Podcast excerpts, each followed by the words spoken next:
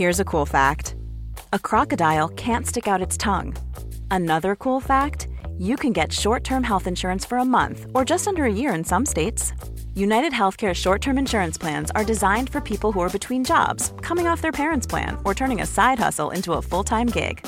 Underwritten by Golden Rule Insurance Company, they offer flexible, budget friendly coverage with access to a nationwide network of doctors and hospitals.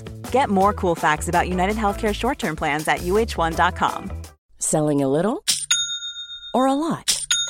Shopify helps you do your thing however you cha-ching. Shopify is the global commerce platform that helps you sell at every stage of your business. From the launch your online shop stage to the first real life store stage, all the way to the did we just hit a million orders stage. Shopify is there to help you grow. Shopify helps you turn browsers into buyers with the internet's best converting checkout. 36% better on average compared to other leading commerce platforms because businesses that grow grow with Shopify. Get a $1 per month trial period at shopify.com/work. shopify.com/work.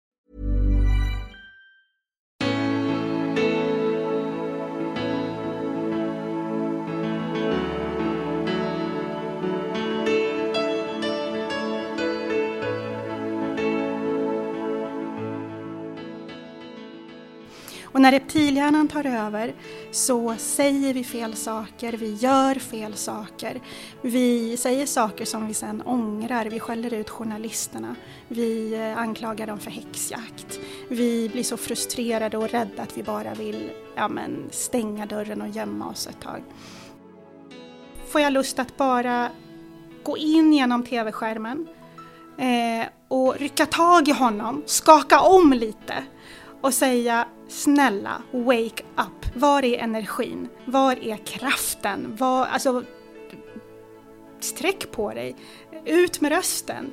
Eh, använd kroppsspråket. Och jag ser allt för ofta hur folk upplever idag att de eh, ja, men förnedras. Att de används nästan som, ja, faktiskt som råvara i en, i en medieindustri. Kan man krishantera sig själv? Varför är papegojmetoden, eller eh, full attack, eller inga kommentarer tre riktigt dåliga sätt att hantera journalister? Och varför är Jeanette Fors André så kritisk mot media? I det här avsnittet får du möta Sveriges högst utbildade och mest rutinerade krishanterare. Vi pratar också om bland annat semester på Dyrön, att växa upp i ett koptiskt hem i Huddinge Anders Ygeman, Zlatan, Prestige och chefer, Varför har alla rätt till en krishanterare? SCA-direktörer och privatjet, hur metoo blev gatans parlament och sist men inte minst så kommer du att få några tips hur du själv bör hantera dina sociala medier och vad du gör när en journalist ringer dig mitt i natten. Nu kör vi igång! Jeanette Fors André Krisexpert och PR-konsult. Välkommen till Spännande möten. Tack, jättekul att vara här. Eh, jättekul och du är tillbaka från, från semestern. Yes, vi sex pratar, veckor. Sex veckor, det pratade vi om på lunchen. ja. Du, eh, hur har den varit? Skön och väldigt lång framförallt. Det började klia lite i händerna sista veckan så att jag är taggad, jättetaggad faktiskt på hösten och börja jobba igen. Jag hörde att du hade rört dig i eh, mina trakter. Ja, hur sannolikt är det? Ja, eller hur? Va? Ja. ja. ja. Var var någonstans? Men det är ju så fint i dina trakter. Ja, det är det va? Mm, det är mm. jättevackert i dina mm. trakter. Vilka, vilka del av de trakterna var det då? Eh, Dyrön. Dyrön. Mm, utanför ja. Göteborg. Ja, ja. Nära Marstrand. Satt den rätt eller? Ja, ja absolut. Ja, ja, ja. ja det är bra start. Ja. ja, det är precis västkusten så. Ja. Du, eh, men, men hur, vad är en bra semester för dig? En bra semester för mig, det har jag lärt mig lite med åren, det är att jag måste ta mig iväg eh, första dagarna på min semester. Jag kan inte dra hemma. För att då kommer inte jag ner i varv så snabbt som, som jag behöver och som jag önskar. Men kommer jag bort, och det spelar ingen roll vart, men bara jag kommer bort, det kan vara utomlands, det kan vara i Sverige, men jag behöver eh, stänga av väldigt snabbt. Mm. Helt enkelt. Och, och det du... gör jag bara när jag kommer bort hemifrån. Okay. Det räckte att åka till Dyren då? Ja, för så var det. Ja. ja fantastiskt. Ja. Du, men, eh, vilken, vilken nytta har man av att vara krisexpert i, i sitt privata liv? Till Ingen exempel, alls. Till exempel på semestern. Inte alls. Det kan ju bli, det kan ju alltid hända något på semester. Ja, det kan hända mycket på semester, men eh, nej, nej, och nu är jag superärlig, man har ingen nytta av det överhuvudtaget. Det är inte sådär att vara ärlig nu och nu ska vi lägga upp en plan här. Och... Nej, nej, inte alls. Och snarare så, jag tror att även krishanterare är dåliga på att hantera sina egna kriser. Så att mm. eh, jag skulle definitivt ta in någon eh, extern, eh, mm. min kollega till exempel i branschen, mm. Eh, om jag hamnade i kris. Ja, för du är ju Sveriges högst akademiskt skolade krishanterare. Mm. Eh, har jag läst mig till. Mm. Och du har läst, skrivit böcker som, som När drevet går och Praktisk kriskommunikation. Men jag tänkte liksom, eh, haka i lite det som du sa här att eh, du skulle kalla in någon annan eh, om, om, om du hamnar i kris själv. För du har ju faktiskt, du skriver ju på din hemsida, en viktig sanning är att man aldrig ska krishantera sig själv. Mm. Det, är ungefär lika konstruktivt som att plocka fram skalpellen och operera sin egen blindtarm. Ja, ja. ja men så är det verkligen. Ja. Eh, vi, vi är ju inte gjorda eh, för att hantera paniken, stressen, ångesten och rädslan som uppstår här och nu. Och det är då vi gör fel saker, säger fel saker, springer åt ett håll som vi inte ska springa åt. Eh, eh reptilhjärnan tar över. Eh, oavsett eh, hur skicklig jag är på att hantera andras kriser så tror jag faktiskt att jag själv kommer att hamna i den paniken. Jag har säkert en mindre, en mindre eh, risk eftersom jag är tränad i att också hantera kriser förstås. Men eh, jag skulle inte våga ta den risken faktiskt. Nej. Jag skulle ringa någon annan. Och det låter ju, alltså man behöver ju inte ta det till en företags eller organisationsnivå eller, eller vd-nivå utan det, det kan ju lika gärna, det du säger nu är ju lika gärna på så att säga på privat nivå. Det var ja. där jag lite skämtsamt började. Ja, men, men, men, lite så är det.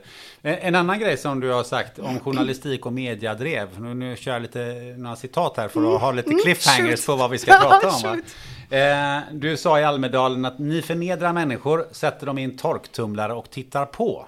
Det, ni blir ett slags medeltida giljotin som avrättar människor i nationell tv. Eh, och vi ska ju prata krishantering och journalistik och mediedrev och vi låter det där hänga en liten stund. Får jag inte säga något? Nej, du får säga något sen. Eh, för annars hamnar vi i, eh, i det spåret, ett annat spår som jag... Jag tänker jag ska ta ett, ett liten, en liten annan väg först. Mm. Um, men, för jag tänkte först måste vi ju få reda på hur det kommer sig att du är så bra på krishantering. Och då, måste, då, och då får vi gå tillbaka till the roots. Okay. Skulle jag vilja säga. Okay. Så, så att jag skulle vilja ställa frågan. Um, Jeanette, tre år, var befinner du dig då? Oj, Alltså om tre år? Nej. Eller när jag var tre Nej, år? Nej, du var tre år. Jag sa oh, till Roots. Det, där var ju, oh, det här var ju over the top. Oj, om tre oj, år. tillbaka till när jag var tre år. Ja, var, var var du någonstans? Men jag är, om vi pratar plats, så är jag uppvuxen i eh, Hägersten, ja. Stockholm. Eh, mamma, pappa, tvillingsyster. Mm. Eh, tvåäggstvilling. Mm. Eh, och där är jag också född. Men båda mina föräldrar har en egyptisk bakgrund. Kom mm. i början på 70-talet. Eh, så att det var väldigt, vad ska jag säga, att jag Ja, min mormor var min dagmamma, så att jag lärde mig inte svenska förrän ja, typ när jag började skolan. Eh, ortodox, kristen eh, familj. Kyrkan var väldigt viktigt. Eh, söndagsskolan. Eh, ja, de egyptiska, liksom, eh, eller framförallt koptiska, eh, koptisk ortodoxa ehm, eh, sederna Fanns det en hel community där då i Hägersten? Eh, ja, det gjorde det. Eh, inte så många då, då i, eh, när jag växte upp, men ja, ganska liten. Nu är den mycket, mycket större. Men fanns det någon, någon botten i, eh, i det här med det koptiska och, och, och de, de, religiösa frågorna som gjorde att dina föräldrar kom till Sverige? Jag... Nej, det, det gjorde det inte. Utan min mamma, eh, hon var väldigt ung och kom med sin pappa, då, min morfar. Eh, via jobb egentligen. Eh, och på den tiden var det hur lätt som helst och man behövde till och med folk, liksom arbetskraft. Så att min morfar stannade i Sverige via jobbet och tog med sig sen hela sin familj från Egypten. Det var någon gång 60-talet eller när var det? Ja, någon gång där, början på 70-talet. Ja. Ja, 60 nästan, ja, slutet på 60 måste det vara då. Och sen träffade min eh, mamma pappa i London när hon var på semester. För han Mm. bodde där då. Mm. Och sen flyttade han också till Sverige då. Ja. Men hur, hur var det att bo i, i Sverige och, och du hade ju säkert massa andra kompisar men Mm. inte, inte prata svenska? Hade du bara kompisar som prata samma språk? Nej, det är klart. Nej, men jag hade... I, nej, alltså i Hägersten det fanns inte så många eh, kopter i Hägersten där jag bodde. Så att nej, i, nej, men det är klart att jag hade kompisar i området där vi bodde. Eh, och jag lärde känna väldigt många men, eh, och pratade svenska, men jag kan inte säga att jag kunde så mycket svenska när jag började skolan, utan det kom ordentligt liksom när, eh, när jag började i sexårsverksamhet på Franska skolan, där jag gick sen hela mitt liv upp till studenten. På franska skolan? Ja, Ja, så det blev franska också? ja det blev franska också. Oj! Så du var trespråkig då typ när du var tio år alltså? Ja, men jag fick alltså gå om sexårsverksamhet. Ehm, Kan man det? Ja, tydligen. Eh, min rektor tyckte inte riktigt att, att vi var tillräckligt bra på svenska. Nej, okej. Så att eh, hon, eh, fransyska då, som var väldigt stark och sådär som fransyskor är på Mm. i skol, eh, skolbranschen eller vad, vad man ska kalla det för. Eh, gick in och sa till min mamma att eh, tro mig, eh, hon måste gå om. Ungefär så. va? Då var saken klar? Det var bara så. Ja, det var bara så. Nej, jag- jag, jag tycker det är... Ja, för jag frågar också så här, för det, det är ju lite, du och jag har lite samma bakgrund fast inte från samma land. Men, men eh, jag lärde mig ju tyska innan jag lärde mig svenska. Okej. Eh, för mina föräldrar kom till Sverige från, från Tyskland då, några år innan jag föddes. Pratade jag ju knappt svenska då. Så jag fick ju lära mig tyska. Och sen fick jag ju lära mig svenska utav barnen ute på gården sådär. Okej. Så när jag började skolan så hade, var jag ju tvåspråkig och det var ju i princip det också. Så jag, jag slapp i och för sig gå om sexan då, men det, det, är nog lite, det är nog lite svårare tror jag em, em, mellan, eh, vad heter, heter det egyptiska? Ja, Ja, egyptiska. egyptiska och, och, och svenska, men tyska och svenska är ju lite, lite mer besläktat med vartannat. Så, Ja, men det var ju, det var ju intressant. Ja. Eh, men, men eh, när du väl fick börja skolan då? Vem var du i skolan? Ja, i skolan, jag var en helt annan person då än jag är idag. Jaha, kan jag okej. tycka. Ja. eh, nej men jag var, jag var lite medel sådär. Jag satt inte längst fram, men jag satt inte heller längst bak. Eh, jag räckte upp handen då och då, men inte hela tiden. Eh, jag var, mm, hade medelbetyg, inte särskilt ambitiös som jag blev sen. Ehm, ja, men lite ja, medel helt enkelt. Ja. Mm. Eh, rolig, ehm, lugn men också busig på något konstig blandning. Ehm, ja, Vad, om vi tar dina, och dina föräldrar då, vad, vad, vad jobbade de med? mamma jobbade på Socialstyrelsen Mm. och eh, pappa ingenjör. Men det här med, med, det var ingenting som de, du fick eh, sådär hemifrån att nu, eh, nu får du skärpa dig i skolan eller nu... eh, Eller Det var liksom- viktigt med utbildning och det var viktigt med kunskap och att, eh, ja, att, att ha en, en, en riktning eller em, en, eh, ja, men en, en vilja att hela tiden bli bättre. Eh, Det, det hade jag med mig, definitivt. Men det fanns ingen press på att du ska bli läkare eller ingenjör eller som, som, som kanske många andra har pressen på sig. Men det, det hade inte jag, utan det var viktigt att eh, fixa skolan och ha en utbildning, definitivt. Men inte så mycket mer än så faktiskt. Hade du någon idé på den eh, när du var barn om vad du ville bli? Nej, det hade jag inte. Jag, jag hade två väldigt starka intressen, det hade jag.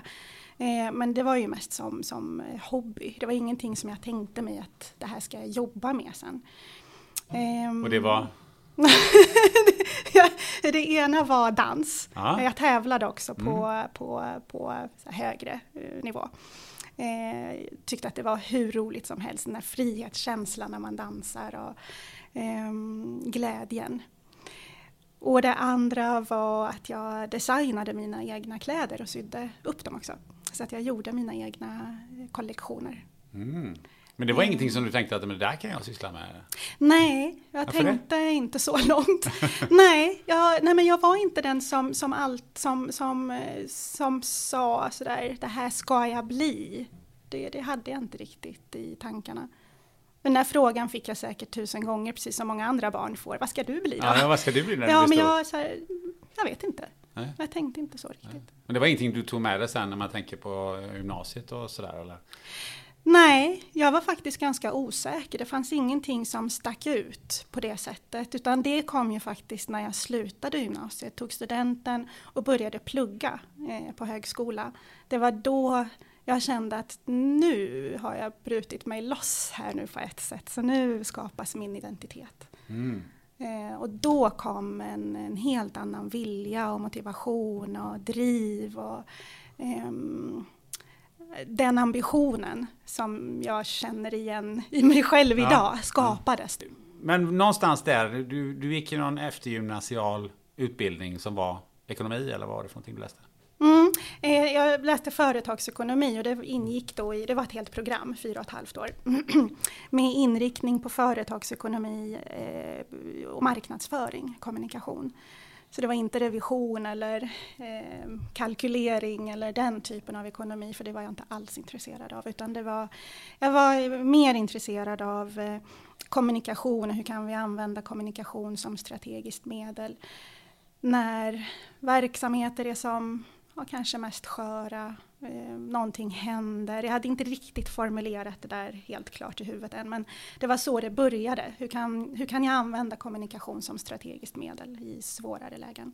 Men fanns det någonting bak i, i tiden där som du känner att men, det här med kommunikation, det, det är, om du tittar på det till idag, det är nog någonting som jag redan var ganska bra på?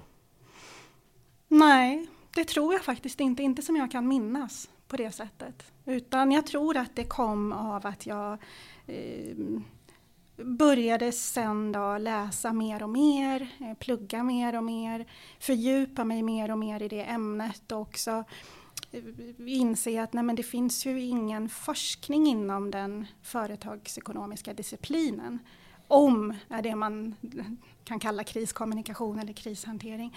Det finns väldigt lite om förtroende och förtroendekriser i den företagsekonomiska disciplinen, vilket för mig var helt absurt. Jag menar, hela företagandet bygger på förtroende och trust och Ja men det är ju på något sätt grunden i all, i mm. all företagsekonomi. Ehm, och grunden i näringslivet. Så att för mig var det helt absurt. Det måste ju varit svårt då att eh, vidareutbilda dig på området när, det, när kanske inte så många hade, hade funderat på just det här med trust. Ja, men jag tror att det är därför det också triggade mig att själv forska ju. så att det var ju det jag gjorde sen. Um, att fördjupa mig i någonting eller skapa skapa någonting som, som var unikt. Det, alltså det, det lockade mig att gå den vägen där det var väldigt lite forskning gjord. Eh, det fanns ju absolut forskning kring det här fast från helt andra perspektiv och i helt andra discipliner. Eh, kommunikationsvetenskapen, medie och kommunikationsforskning eh, eh, finns det jättemycket. Inom sociologi, psykologi, inom, eh, ja vad mer? Det finns inom många andra discipliner. Managementlitteraturen finns också mycket kring. Men inte från ett företagsekonomiskt perspektiv. Eh, och hur det påverkar liksom, eh, ja, näringslivet när man hanterar en kris på ett fruktansvärt dåligt sätt till exempel. Då tycker jag vi kastar oss in i det här med, med kriser och näringslivet mm. och när man hanterar det på ett fruktansvärt dåligt sätt. För, för då uppstår ju genast frågan då. Eh, när uppstår det kriser och hur uppstår de? Oj! Visst sa jag att jag fortfarande har en semesterhjärna? ja, men då, då, då skivar vi ner elefanten ja, lite grann. Det var en då. jättestor fråga. ja, det var en jättestor fråga, jag inser det.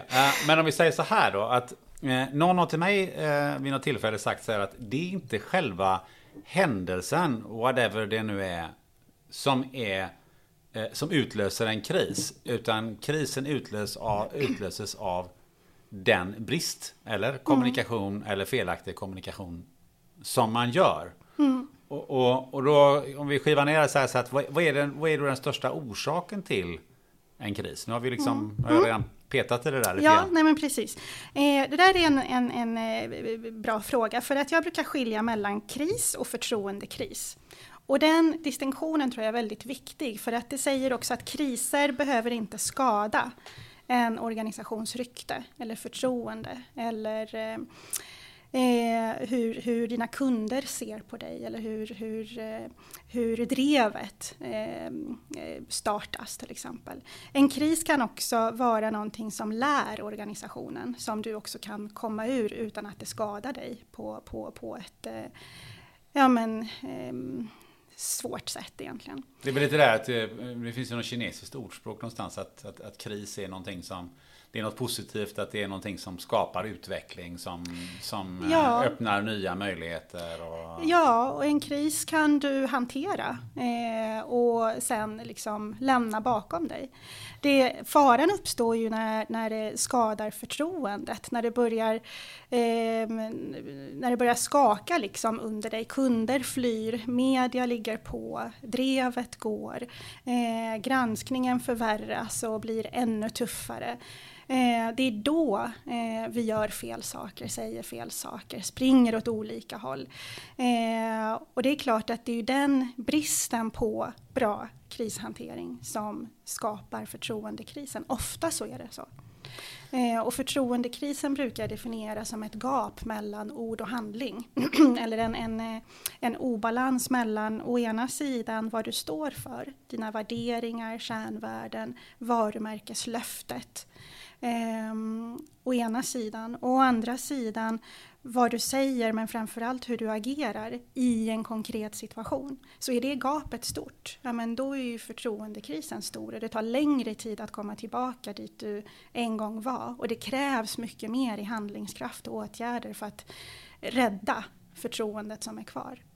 Varför, varför blir det så?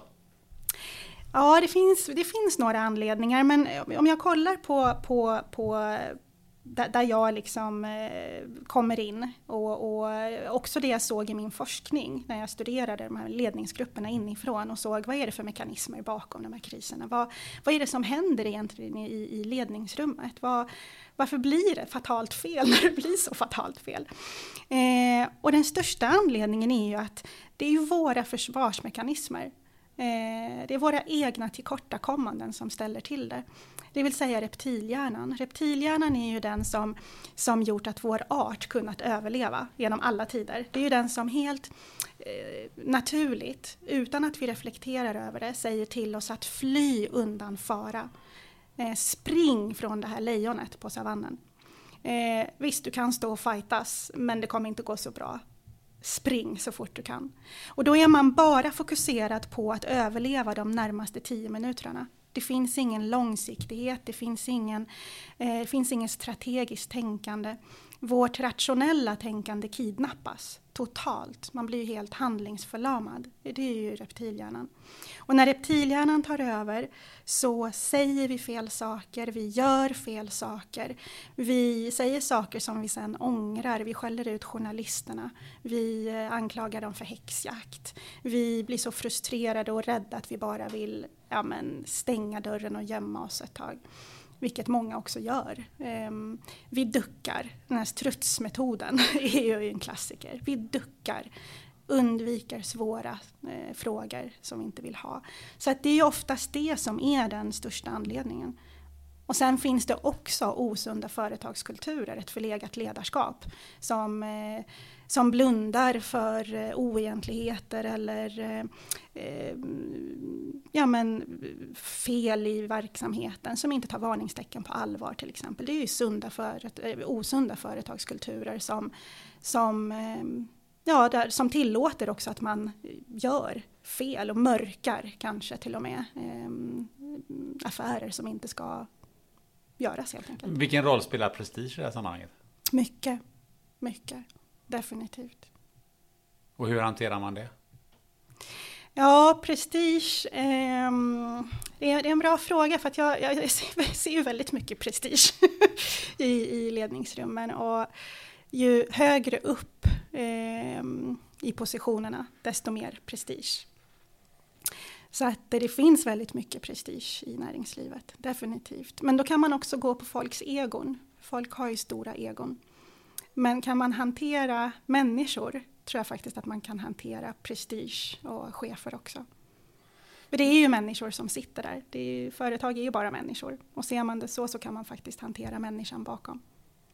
Det var lite så som jag inledde den här frågan som blev väldigt stor. Eh, kriser kan ju vara av alla möjliga slag och alla möjliga typer och möjliga orsaker. Men, men eh, en, en liten allmän fråga. Hur, hur många tränar på kris? Mm, alldeles för få. Alldeles för få. Mer nu än för 15 år sedan, definitivt. Men ändå så är det alldeles för få.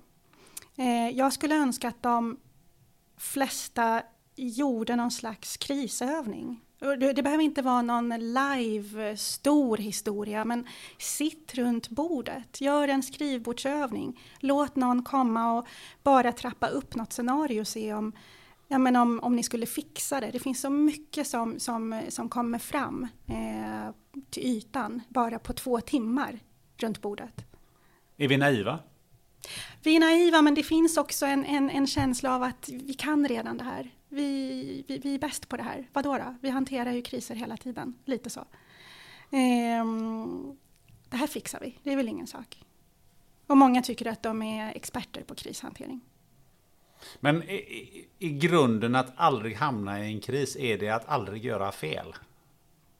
Ja, absolut. Det, det ligger mycket sånt i det också. Ja, vi gör inte fel kommer aldrig göra fel. Sådana är ju inte vi, det är bara de andra. Mm.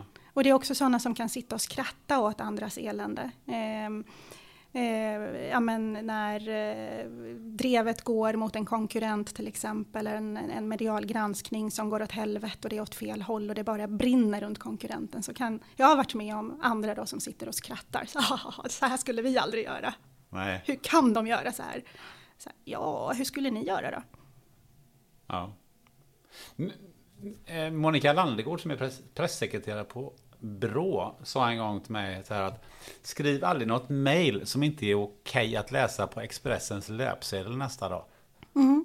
Det känns som en bra regel om man nu försöker att undvika att göra fel. Ja, absolut.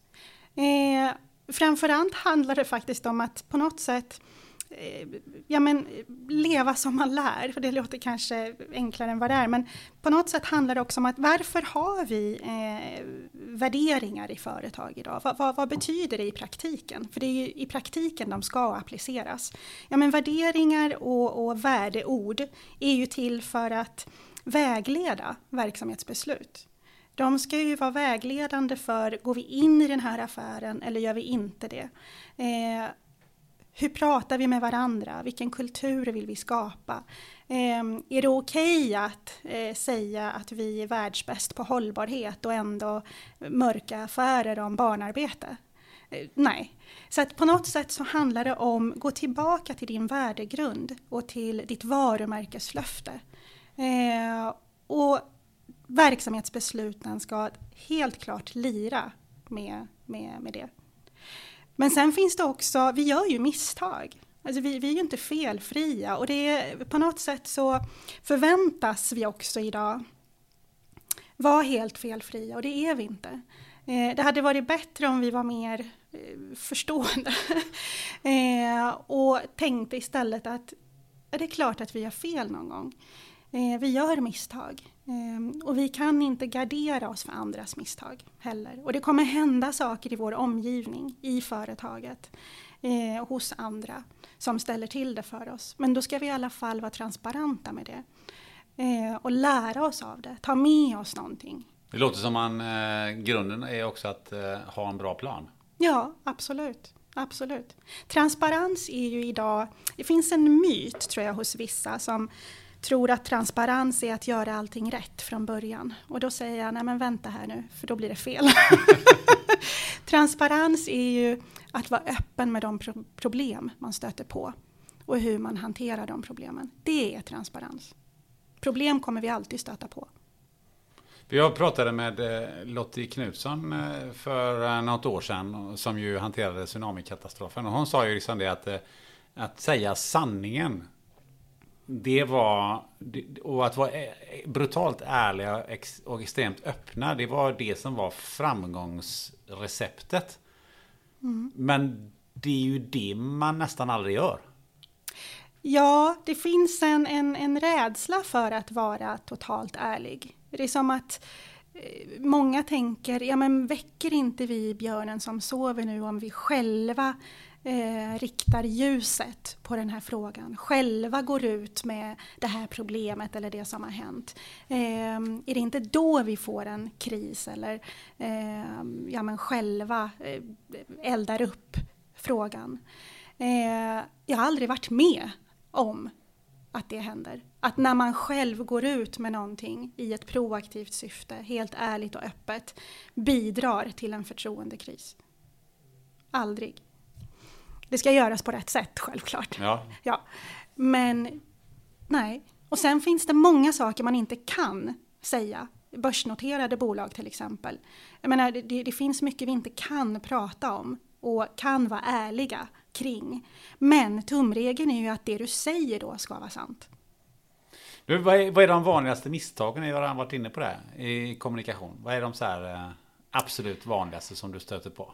Ja, men de vanligaste är eh, viljan att eh, vänta och se. Eh, att tron att en förtroendekris kommer blåsa över eller att den inte kommer förvärras. Eller den, men där, den där frågan kommer inte eskalera, vi väntar till imorgon. Men den stormen som uppstår sen kan man ju liksom inte hinna ikapp. Så det är ett stort misstag att tro att en sakfråga kommer att dribblas bort någonstans, för det gör den inte. Den blir bara värre och den växer och då hamnar man också i ett underläge och i en försvarsställning som, som inte eh, gör någon någon tjänst. Så att säga. Eh, ett annat misstag är det att möta mediala granskningar med taggarna utåt, som Swedbank till exempel. Att inte eh, ta granskningar på allvar eh, och förstå att när Uppdrag granskning knackar på dörren så har de någonting rätt. Alltså utgå från att det finns någonting rätt i den här granskningen. Vad är det? Var har journalisten rätt någonstans istället för att leta efter fel? För fel kommer man alltid hitta oavsett vad. Men fokusera på det som kan vara rätt.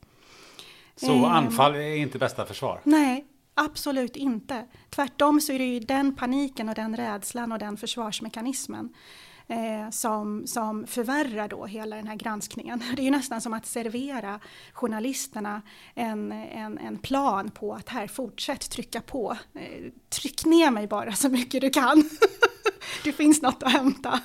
Nej men det är ett tecken på att någonting är fel eh, för en journalist när eh, företag eh, bemöter en, en granskning med taggarna utåt. Det finns så mycket att hämta då. Och det är också så det blir som smaskigast. Mediedramaturgin blir ju än häftigare när man möter en, en granskning med taggarna utåt. Ett annat misstag är ju att um, um, alltså skälla ut, anklaga journalisterna för häxjakt istället för att um, göra sin egen analys. Eh, det absolut första jag säger när telefonen ringer eller någonting händer, hur långt har ni kommit med analysen? Och den analysen är ju så viktig, den är A och O, för det är den som kommer göra eh, att vi kan fatta kloka och medvetna beslut eh, som måste vidtas för att hantera den här krisen. Åtgärdsplanen till exempel, vilka, vilka åtgärder vi måste vidta för att ta, ta oss ur det här och skapa så mycket förtroende som möjligt hos våra kunder till exempel. Men den egna analysen är alltså att helt förutsättningslöst, utan skygglappar, ställa sig frågor. Vad har hänt? Hur kunde det hända? Vad gör vi i så fall åt det? Och konstaterar man att vi kan göra någonting åt det, ja men då ska det göras nu. Handlingskraft kommer ju idag. Den kommer ju inte om en vecka eller två, för då är det inte handlingskraft längre. Så att den handlingskraften ska komma idag. Eh, och vi vill se handlingskraft. Kommunikation eller krishantering handlar inte om tom, tomma ord. Jag brukar också säga att krishantering handlar inte om kommunikation. Jag är inte kommunikatör. um, för då ger det också fel bild om vad krishantering handlar om. Krishantering handlar om handlingskraften. Och där måste ju också prestigen spela en del spratt. Ja, definitivt. Absolut. Gör, gör det viktigaste först. Åtgärda de problem som, som finns. Och resten handlar om att kommunicera de åtgärderna. Men säg att 80 procent av krishantering handlar om att göra saker. Att faktiskt agera. 20 procent bara handlar om kommunikation. Och den kommunikationen ska ju vara kring det du faktiskt har gjort. Men det här med eh, svaret inga kommentarer är ett bra svar. Nej, jag vet inte var det kommer ifrån, men det är så dumt. Nej, Ja, det är inget har, bra svar. Det har man ju hört några gånger. Ja, ja. Det är också som att, som att servera eh, en, en, en granskning så här till en, till en journalist. Det, det, det ju, kan du inte kommentera så ska du förklara varför. Eh, och det kan finnas många olika anledningar till det, men du ska alltid ange varför du inte kan eh, ge ett tydligt svar på det. Det här med, eh, kan man komma undan med att ljuga då? Nej, det kan man inte. Det är också en väldigt dålig strategi. Allt du säger ska vara sant. Varför kan man inte komma undan med att ljuga då? Nej, för det slår tillbaka. Eh, jag tycker att det är en bra inställning att, eh, att ha. Att, eh, ehm, media har skickliga metoder. Eh, och de mest drillade reportrarna gräver fram saker. Saker kommer ut idag. Ljuger du så kommer det bara eh, liksom, eh, ja, men påverka dig ännu mer eh, och påverka förtroendet för dig definitivt ännu värre. Ehm, men allt du säger ska vara sant. Men att säga samma sak eh, och samma sanning flera gånger om. Mm. Den så kallade papegojmetoden. Papegojmetoden, den är bedrövlig. Som, som en gammal finansminister Ja, Bosse. Ringholm Ja. eh, implementerade. Ja, ja, den är fruktansvärd. Det finns så många klipp också som, som, eh, som jag själv använder i mina medieträningar på hur galet det ser ut. Det, det är ju helt absurt och stå och säga samma sak hela tiden.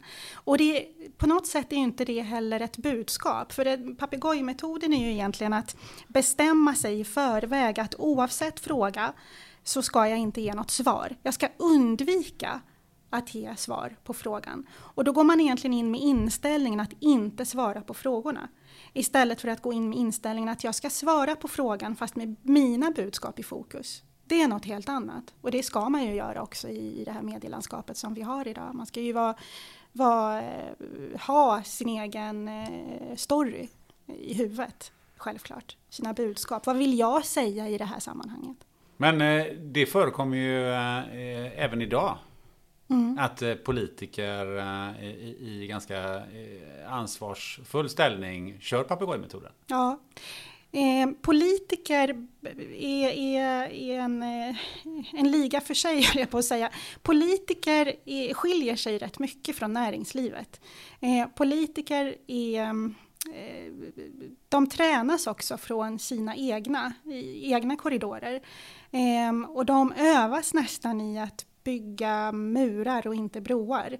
Och, och nästan undvika eh, tuffa frågor på, på ett sätt som, ja men för att de vill gardera sig på något sätt. Eh, gardera sig mot, eh, ja men om jag säger någonting idag så ska inte det hållas mot mig om ett år, ungefär så. Och det gör att de gärna undviker eh, den typen av, av tuffa frågor. Eh, och det är ju inte sunt överhuvudtaget. Men kommer de lättare undan med det än eh, en företagsledare? Ja, de kommer undan med det, det är ju helt uppenbart, för de sitter ju där de sitter än idag. Men det är också det som skapar ett politikerförakt som man också ser hos många idag. Att vi inte litar riktigt på, på eh, politikerna, att vi inte riktigt litar på att de kommer att svara ärligt på frågor. Eh, många förväntar sig till och med idag att politiker slingrar sig undan i debatter till exempel, att de pratar förbi varandra.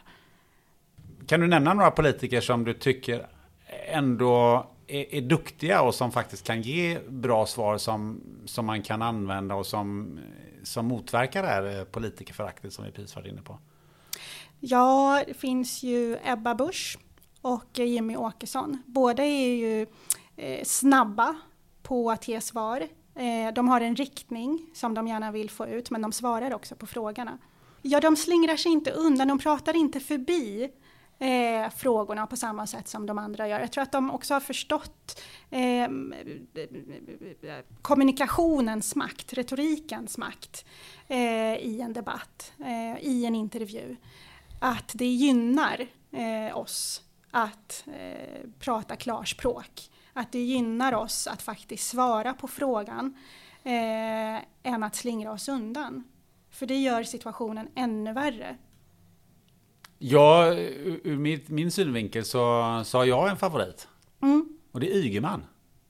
Ja, just det. Ja. Har för mig alltid varit en, någon som, ja, men han, tycker jag, rätt eller fel, men jag känner att han, han har ofta gett ganska tydliga svar på, Mm. på frågorna och inte försökt att slingra sig.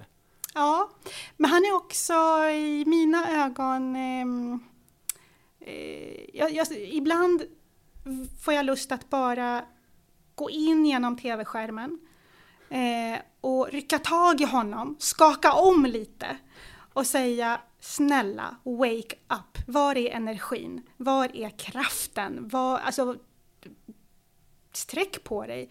Ut med rösten. Eh, använd kroppsspråket. Eh, det är lite lamt i, i, i, i approachen. När vi är ändå inne på det här, det finns ju en annan kategori människor som, som aldrig säger någonting av värde. Mm. Eller nästan, eller väldigt sällan, ytterst få av dem gör det. Och det är idrotts, eh, idrottare. ja. Och du vet, vi måste åka mina skridskor och nej men du vet, Nej, nej, men, men, låta eh, pucken göra jobbet. Nej men du vet att eh, Nej men vi gick ut där och nej men vi får sätta lite mer press på dem och Ja men hur var det med eh, kontraktet eh, som Nej men du vet eh, eh, Där känner man ju att det finns ett antal här som är tränare att aldrig säga någonting om någonting. Eh, och sen finns det sådana som är, är otränade och de säger heller aldrig någonting om någonting. V- vad har du att säga om det? Ja, men det, det, ja, vad ska jag säga om det? Ja, men det är ju egentligen samma sak där. De är ju inte tränade överhuvudtaget tror jag. Eh, den typen av, av personer är ju inte, de ser ju inte sig själva heller som, som eh, de som ska vara proffs framför kameran, utan de är sig själva. Eh, och jag tror inte heller att de anstränger sig för att eh, för att uppfattas på ett speciellt sätt eh, hos andra.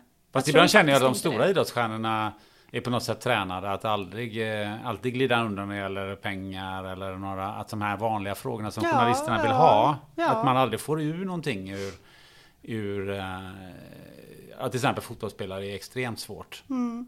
Eh, Ja. De intervjuerna blir ju ganska, Mm. det blir, det blir samma, samma, det är som att lägga, vi kan Ja, lägga nej men då har de samma problem. Då. De, I så fall övas de då i att undvika vissa frågor. Och sen har du Zlatan. Och sen har vi Zlatan, precis. Hur ser du, Men sen, hur ser du honom finns- ur ett kommunikationsperspektiv? Om vi nu är inne på det.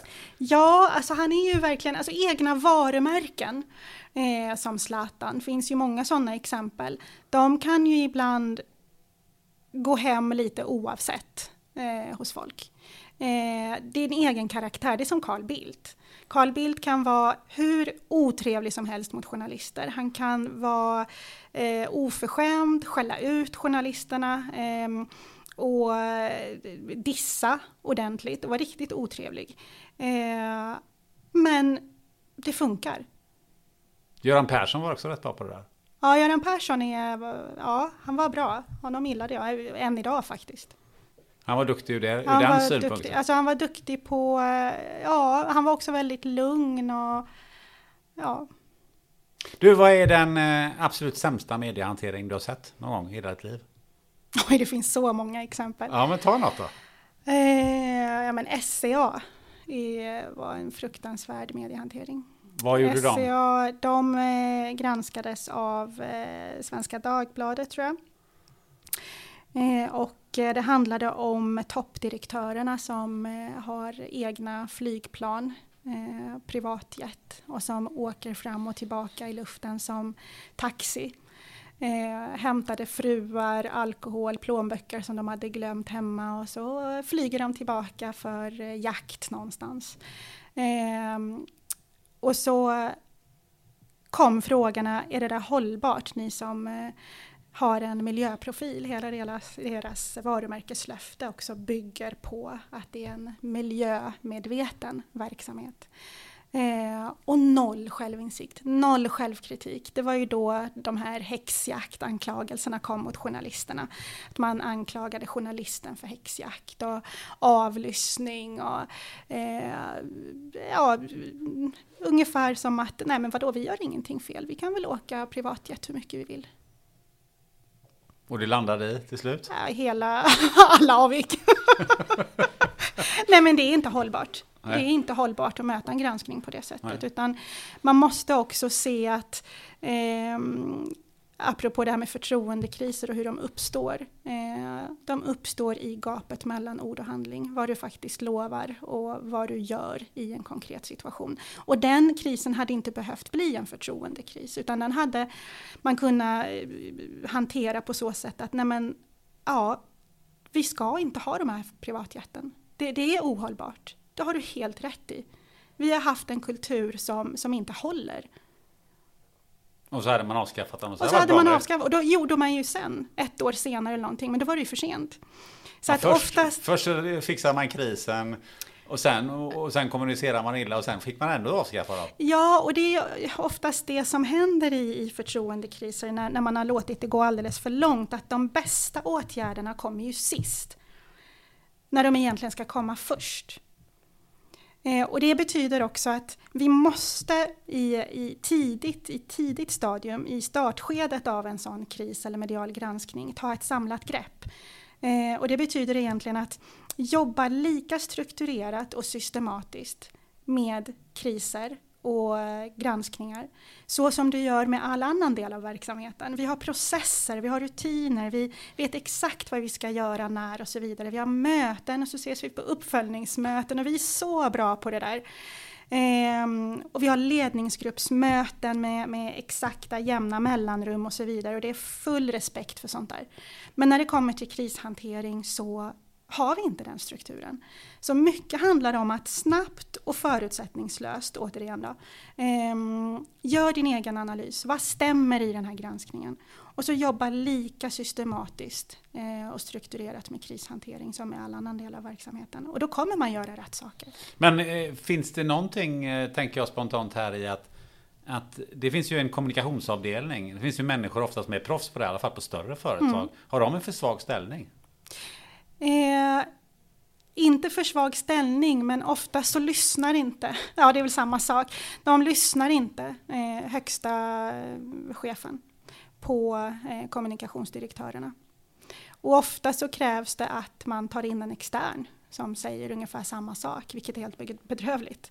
Um, men sen finns det också, eh, apropå osunda företagskulturer, eh, där eh, ledningen tuffar på oavsett vad, vad man säger. Jag har några andra sådana här kriser som jag har plockat ut. Okay. Vi ser vad du skulle säga om okay. det. Eh, den första jag skulle vilja plocka upp det är Leif Östling. Ja. Som ju ska, för detta Scania-chefen och vd på Svenskt Näringsliv som ju i något tillfälle tycker varför ska jag betala 13 eh, miljoner i skatt när jag har eh, jag vet inte hur mycket han, han har i, i kapital och i, i inkomster och undrar bara liksom vad får jag, vad, är, vad får jag för pengarna? Mm. Hur, hur var den hanteringen? Nej, man ska, transparens och öppenhet är jättebra, men det finns också en gräns. eh, man kan se det på olika sätt. Jag tror att de, många ser det som att han faktiskt sa det han tycker och tänker. Eh, han tycker så. Och det är precis så han kände. Eh, och det kanske stämmer till och med, det han sa. Eh, men det gick inte hem eh, hos folk. Eh, och det blev ohållbart, helt enkelt. Så att, ehm, och det är väl också en, en, kanske en lärdom att även de mest drillade, eh, de som varit med i leken väldigt, väldigt länge, som säkert hanterat väldigt många kriser, väldigt många granskningar och väldigt många intervjuer, eh, kan hamna i ett läge där de är alldeles för bekväma och känner sig väldigt bekväma och tror att det här fixar jag hur bra som helst. Och så råkar det liksom slinga ut något sånt där som, som eh, ställer till det riktigt, riktigt ordentligt. Det var ju en person, du har ju varit inne på Swedbank. Mm. Som ju eh, bidrog till eh, penningtvättsaffärer Mm. i, i Östeuropa så kan man väl säga med, med, med ett eh, lite övergripande eh, uttryck. Och avslöjades då av upp, Uppdrag granskning tror jag det var Mm, va? precis. Hur, hur, hur gick den hanteringen till? Vad har du, vad har du att säga om det? Fruktansvärt illa krishantering. Jag skulle säga att det var total brist på krishantering. Ehm, från början till slut. Från att ehm, underskatta Uppdrag gransknings research. Eh, de har ju så mycket tid och, eh, och kraft och research på den typen av frågor. Och att underskatta vart det här var på väg överhuvudtaget och hur det skulle utvecklas var ett stort misstag. Och att möta den med taggarna utåt, slå ifrån sig alltihopa eh, var också ett stort misstag. Det var så många misstag där helt enkelt som ställde till det riktigt ordentligt. Paolo Roberto. Ja, just det. Han, han åkte ju dit för eh, att ha köpt sex. Mm. Och nästa dag så satt han i TV4. Ja. Hur eh, bra var det? Alltså förutom att det är köpt sex, det, det behöver vi inte Ja, diskutera. nej, utan mer precis. hanteringen av... Eh, Också fruktansvärt dåligt hanterat. Alltså, och då måste jag gå tillbaka först till varför en ursäkt funkar och varför den inte funkar i vissa lägen. Ehm, många av ursäkterna, de här offentliga ursäkterna vi ser idag, faller ju platt. Eh, och det är av olika skäl. Framförallt är det för att den, den, den, den inte är eh, tillräckligt genuin. Eh, och dessutom är den inte kopplad till någon slags eh, handlingskraft. Och då är vi tillbaka då till handlingskraften, att den faktiskt kommer idag och inte en månad senare. Men en ursäkt ska eh, brukar ha tre, fyra kriterier för att den ska hålla. Bara för att testa, testa den. Eh, du ska be om ursäkt för något. Det betyder att du ska själv definiera vad du har gjort fel. Vad problemet är. Och har man bett om ursäkt för något, ja då måste du ju åtgärda något. Eller hur? Du, du har ju bett om ursäkt för att du har gjort fel. Eh, och då måste du också åtgärda det som har blivit fel. Ange kanske åtgärder för hur, hur, hur du ska se till att det här inte uppstår igen. Och det tredje det är ju empatin. Empati med dem du skadat, sårat, de som drabbats av olika skäl eller på olika sätt. Ehm, och det krävs också självinsikt. Och självinsikt skapas inte över en natt. Så i det här fallet skulle jag säga att försvinn bara ett år eller två. Alltså på riktigt. Och sen kan du sitta i en tv-soffa och prata om insikter. Då blir det trovärdigt. Men du kan inte skaffa dig insikter över en natt. Men hur bra var det att låta honom sitta i tv-soffan? Om man vänder på det. Ja, eh, jag har ingenting emot att eh, TV4 eller något annat eh, mediehus för den delen tog, eh, tar in eh, eller planerar för sådana intervjuer. För det, det finns ju ett allmänintresse. Eh, så självklart vill de ha den typen av intervju med honom direkt. Ansvaret ligger ju egentligen på den som krishanterar. Inte mediet i sig i det här fallet. Det är klart att de vill ha den intervjun. Men ansvaret ligger ju då hos Paolo Roberto i det här fallet att tacka ja eller nej. Du, ehm, eh, en kommunikation som ju har hållit på nu i ett halvår snart. Det är ju eh, kommunikationen kring eh, Corona. Mm.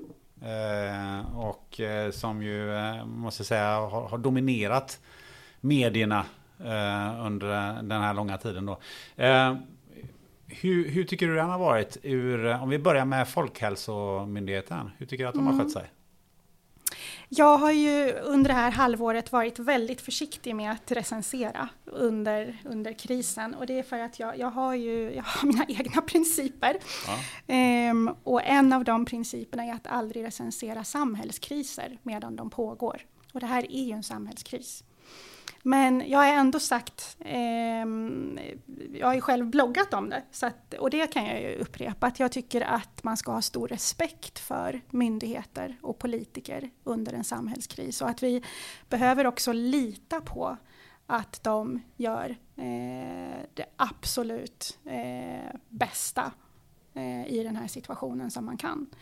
Eh, och varför det är så viktigt också eh, att jag och andra låter bli att bidra till osäkerhet genom att tycka och tänka helt fritt. För vi har så många självutnämnda experter. Eh, och jag, jag, vill inte vara en av dem. Men eh, det du antyder lite så här, jag och andra. Mm. Eh, är det, eh, ska man tolka det som att det är underförstått eh, media eller, eller vad, vad, vad, ska man förstå ur andra? Ja, alltså jag, det här med att jämföra både media och enskilda individer faktiskt. Eh, jag kan störa mig på de som tycker eh, och tänker eh, högt och bidrar till osäkerhet när ingen eh, kan bättre än just Folkhälsomyndigheten i det här fallet. Eh, ingen annan har hela bilden. Eh, och vi vet inte heller, vi kan inte lika mycket helt enkelt. Eh, och vem är vi då att, att eh, ge andra rekommendationer eller ifrågasätta rekommendationer? Och det är klart att media ska ställa svåra, tuffa frågor och ifrågasätta. Men det är någonting helt annat att söka sensationsrubriker och snabba klick. Eh, det är någonting helt annat och det, det kan jag störa mig riktigt mycket på. Och speciellt under en samhällskris där varenda rubrik faktiskt spelar roll. Jag störde mig enormt på nu under sommaren eller före sommaren när Sveriges Radio Ekot gjorde en, eh, en intervju med Anders Tegnell. Och eh, vinkeln var att han nu har självinsikt, vilket han ju har haft hela tiden från dag ett. Och det fick enorma konsekvenser i världen och bilden av Sverige. Och det skapade stora rubriker om att nu har Sverige erkänt misstag. Vilket vi inte hade gjort. Så att eh, jag tycker att var och en under samhällskriser har ett ansvar. Även media, men också varje enskild person. En personlig eh, reflektion som jag har gjort när jag mm, under stunden har tittat på de här presskonferenserna, särskilt under, under våren, vi har varit pratat om, om papegojmetoden i att, att slingra sig undan för en stund sedan här. Mm. Nu tycker jag det känns som att media använt den omvända papegojmetoden. Det vill säga att de ställer samma frågor mm. eh, flera gånger om. Mm. Eh, fast man precis har svarat på, eller presenterat svaret redan innan man ställer frågan. ja. Så undrar jag liksom, finns det en taktik bakom det att ställa de här papegojfrågorna? Och man tror att man får ut något annat av det. Eller är det att man inte så enkelt att man inte begriper eller lyssnar? Ja, det, det kanske är en kombination av flera saker. Det kan också vara så att de här frågorna måste ställas varje dag. Att man nästan eh, ja vad ska man annars fråga? Lite så. Ja men, inte det, ja men det tycker jag vittnar ju om att man inte satt sig in i frågan och kunna ställa andra frågor än ja, det man precis har fått svar ja, på. Nej, men absolut. Men det finns också de, de är kanske alldeles för få, men det finns ett, ett, några journalister idag som, som, som ställer mer kanske kritiska frågor och försöker täcka andra perspektiv. Men ja, de är väldigt eh, same same de där eh, frågeställningarna, det håller jag med om. Men det som fascinerar mig och som jag tycker att många också från näringslivet och eh, chefer och ledare i näringslivet ska lära sig av Folkhälsomyndigheten, det är ju ledarskapet som har varit nu under kris. Eh, det här med att stå stadigt när det blåser och inte vika sig efter vart vinden blåser. Eh, för det har vi ju sett alldeles för ofta i, i samband med, med, med förtroendekriser till exempel. Att man sparkar sin personal så fort någon eh, höjer rösten eller när eh, avgångskrav kommer så vågar man inte riktigt stå emot. Eh, man är rädd för mediedrevet så att man agerar helt fel av ren rädsla. Eh, och så har vi då Folkhälsomyndigheten som har hela världen på sig. och, och hela svenska folket står och tittar på. Och ledarskapet, tycker jag, är helt fantastiskt på många sätt. Dels då att man har en chef, eh, Johan Karlsson, som eh, säger till lynchmobben att sluta mobba eh, och backar upp Anders Tegnell på ett helt fantastiskt sätt. Och sen också det här med att stå stadigt och köra på den riktning och den linje som, som de tror mest på. Det tycker jag är helt fantastiskt. Intressant. Eh, en annan, man ska säga, inte kris, men som, som gav rätt många eh, kriser både i företag och i, i media och i, på andra ställen. Det var ju metoo. Mm. eh, för ett antal år sedan. Och det är ju, det, det är ju fortfarande mm. eh, någonting som, som, som pågår. Eh, och ha, vad är dina reflektioner om hur, hur metoo hanterades av media? Ja, nej men så här, jag, jag ser en, en fantastisk rörelse eh, som kidnappades till andra syften. Syftet att skapa sensationsrubriker, snabba klick, eh, mediehus som tävlade mot varandra. Vem eh, kammar hem det större skopet?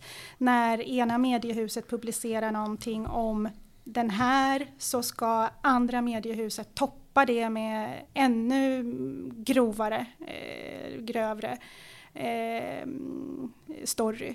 Så att det blev, det blev farligt. Det blev riktigt farligt. Det var, eh, jag har ju jobbat med, med många under metoo och än idag så finns det ju eh, dominoeffekter som lever kvar faktiskt. Eh, som ja, men, personer som drabbas än idag av det där. Så att nej, medias hantering var bedrövlig. Eh, och som sagt kidnappade en viktig fråga för helt andra syften. Fungerade som både åklagare och domare utan några som helst bevis. På något sätt så, så It's that time of the year. Your vacation is coming up. You can already hear the beach waves, feel the warm breeze, relax and think about work. You really, really want it all to work out while you're away. Monday.com gives you and the team that peace of mind. When all work is on one platform and everyone's in sync, things just flow wherever you are. Tap the banner to go to Monday.com. Ryan Reynolds here from Mint Mobile. With the price of just about everything going up during inflation, we thought we'd bring our prices down. So to help us, we brought in a reverse auctioneer, which is apparently a thing. Mint Mobile unlimited premium wireless. Have to get 30, 30, bit to get 30, bit to get 20, 20, 20, bit to get 20, 20, bit to get 15, 15, 15, 15 just 15 bucks a month. So, Give it a try at mintmobile.com/switch. slash $45 up front for 3 months plus taxes and fees. Promo rate for new customers for limited time. Unlimited more than 40 gigabytes per month slows. Full terms at mintmobile.com. Hey, it's Ryan Reynolds and I'm here with Keith, co-star of my upcoming film If, only in theaters May 17th. Do you want to tell people the big news?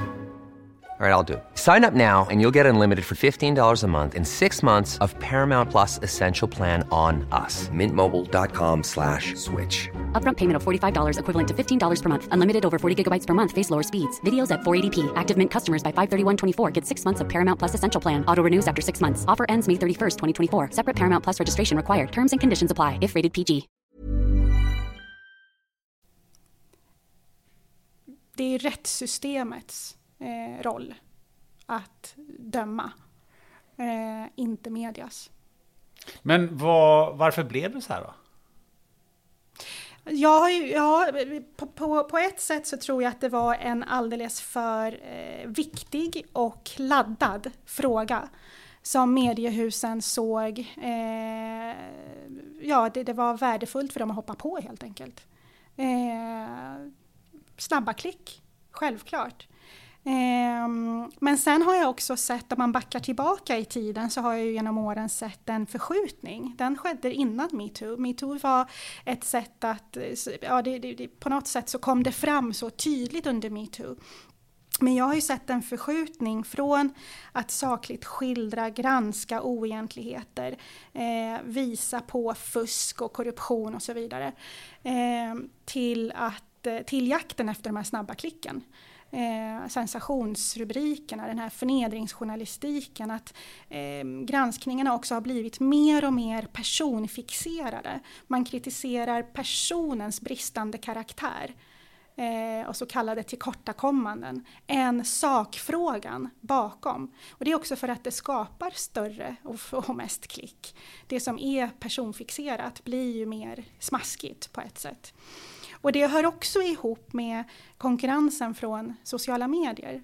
Eh, viljan att också ja, men, i fem minuters intervaller publicera någonting nytt. Eh, precis som vi ser då i, i, de digitala kanalerna så vill ju också medierna toppa det på något sätt. Och det blir ju väldigt dålig kvalitet helt enkelt. Man springer alldeles för fort fram. Sen ska vi inte glömma heller att det finns ju en mediekris. Eh, kan jag, tycka, kan jag tycka att man kan kalla den för. Alltså en identitetskris också, men också en mediekris på så sätt att det finns eh, färre färre journalister som gör mer och mer av jobbet. Eh, de har tuffa arbetsförhållanden, de, eh, ja, men det skärs ner och så vidare. Så att det är klart att mediekrisen och mediedreven är två sidor av samma mynt. Så länge medierna har en identitetskris och en mediekris så kommer ju mediedreven att bli mer och mer brutala. Men var inte det här en extremt eh, svår fråga att hantera för medierna. För, att, jo, absolut. För, för, för, någonstans så... Men desto viktigare att vara försiktig, så, kan man ju tycka. Jo, men samtidigt så är det så att, att eh, det fanns ju alltid en risk att ifrågasätta eh, de här kvinnornas eh, berättelser. Mm. För att man snabbt blev stämplad som ja, men alltså antifeminist ja. eller sexist ja. eller något, något annat sånt. Absolut. Så det var liksom att, att det bidrog säkert också. Var det inte så att de var liksom lite inmålade i ett hörn mm. kan man tycka ibland? Ja, fast det, det, på något sätt handlar det också om vad är medias roll? Är det att döma eller är, lämnar man det till rättsväsendet? Hur ser vi på på ja, men, känsliga frågor, pressetik. Varför ska vi bara kasta iväg den så fort en sån känslig och viktig fråga kommer? Jag tror det här är ju inte första gången vi, vi kommer se den typen av, av samhällsviktiga frågor komma till ytan. Det, det här var ju första gången, det kommer ju fortsätta. Eh, så vad gör vi nästa gång då? Är ju min eh, fråga som jag hela tiden kommer tillbaka till i, när vi pratar om sånt. Nästa gång då, hur gör vi? För jag ser väldigt lite självkritik från medias sida. Varför, varför är det så? Ja, jag tror att medierna är väldigt eh, dåliga själva på, de ställer krav från, från företagen och ledarna och talespersonerna att vara öppna och transparenta och ansvar och transparens och alla de här fina sakerna. Men när de själva hamnar där så ser jag väldigt, väldigt lite av, av det som, som är god krishantering. Snarare tvärtom. Det var ingen från eh, mediehusen som ställde upp eh, på intervjuer eh, strax efter metoo, strax efter Benny Fredrikssons eh, självmord. Eh, de gick och gömde sig allihopa, duckade. Och nu några år senare så ser man några enstaka förstås som, som eh, säger att, ja men, som dömer hela hanteringen av metoo. Men jag känner inte att det är genuint överhuvudtaget. Men är det lite så här att eh, media är rätt vana vid att ha eh, någon sorts åsiktsföreträde? Och backa ja. upp varandra? Ja, kan så kan, kan det vara. Jag, tror att det finns kanske en rädsla från eh, mediehusen att eh, vara ärliga med att också de gör misstag. Som att de skulle tappa, eh, tappa ansiktet. Eh, jag skulle säga att de har gjort det för länge sedan. Så att det är bara rädda det som finns och vinna tillbaka förtroendet. Det är det bästa man kan göra. Det finns ju någonting som heter åsiktskorridorer. Mm. Som jag tycker kan ha en, en korrelation i det här.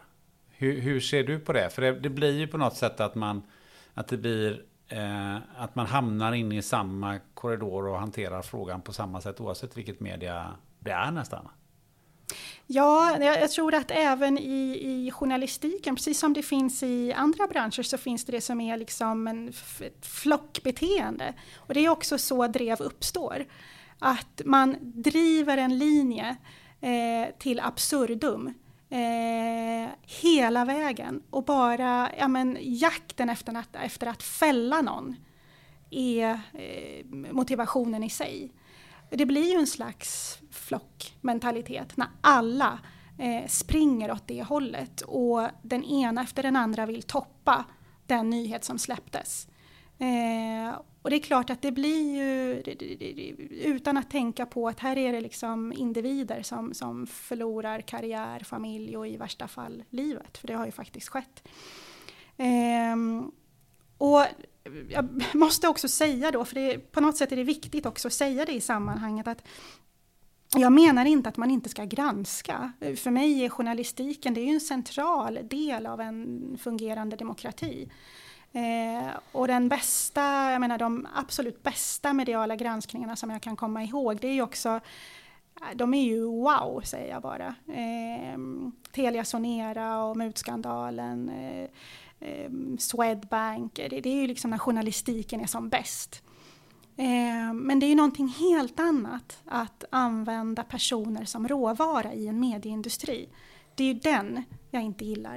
Eh, när man trampar på personer som redan ligger ner, när man inte ställer sig frågan kan vi låta bli att namnge? Kan vi låta bli att publicera bild? Kan vi låta bli att hänga utanför dörren när den här personen har sina barn hemma?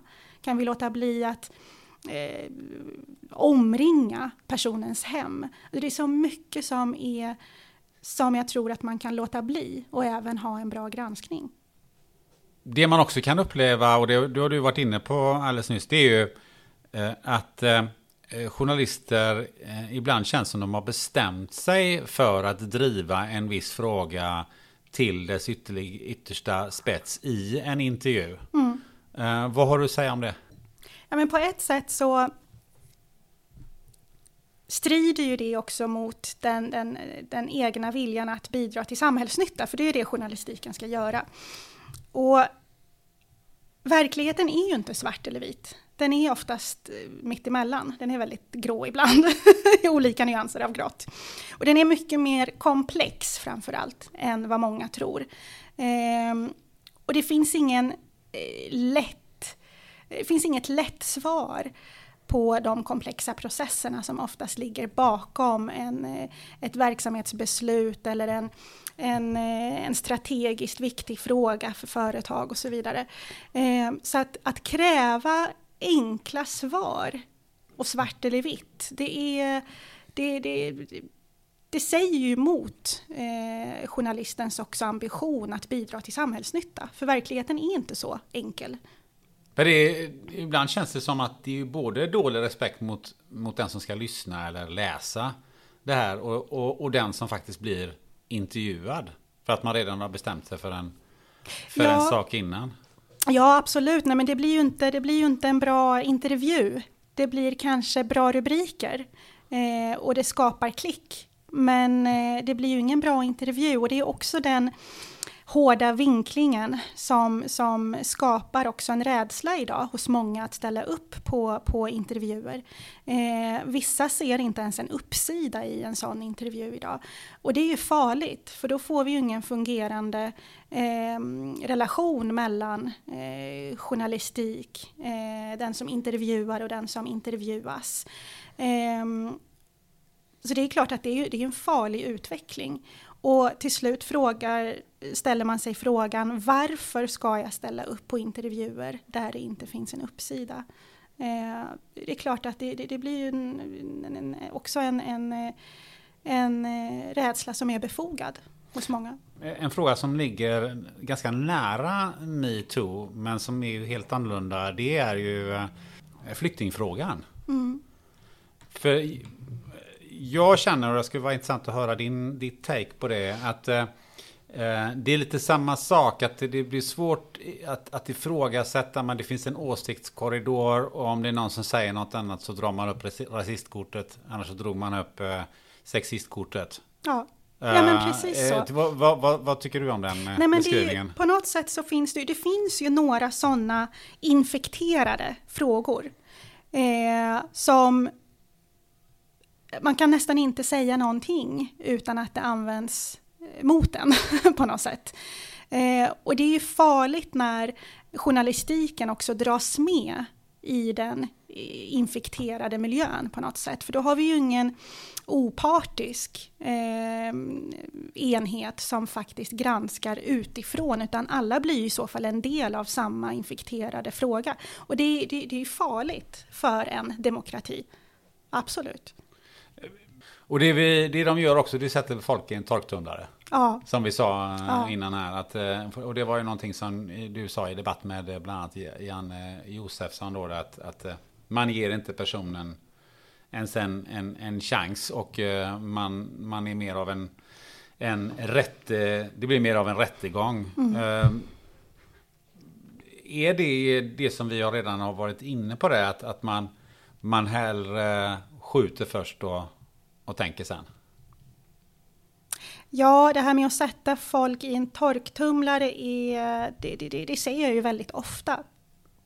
Och om jag ska komma tillbaka till det här med att många granskningar och en stor del av journalistiken kan ju göras utan sensations och förnedringselement.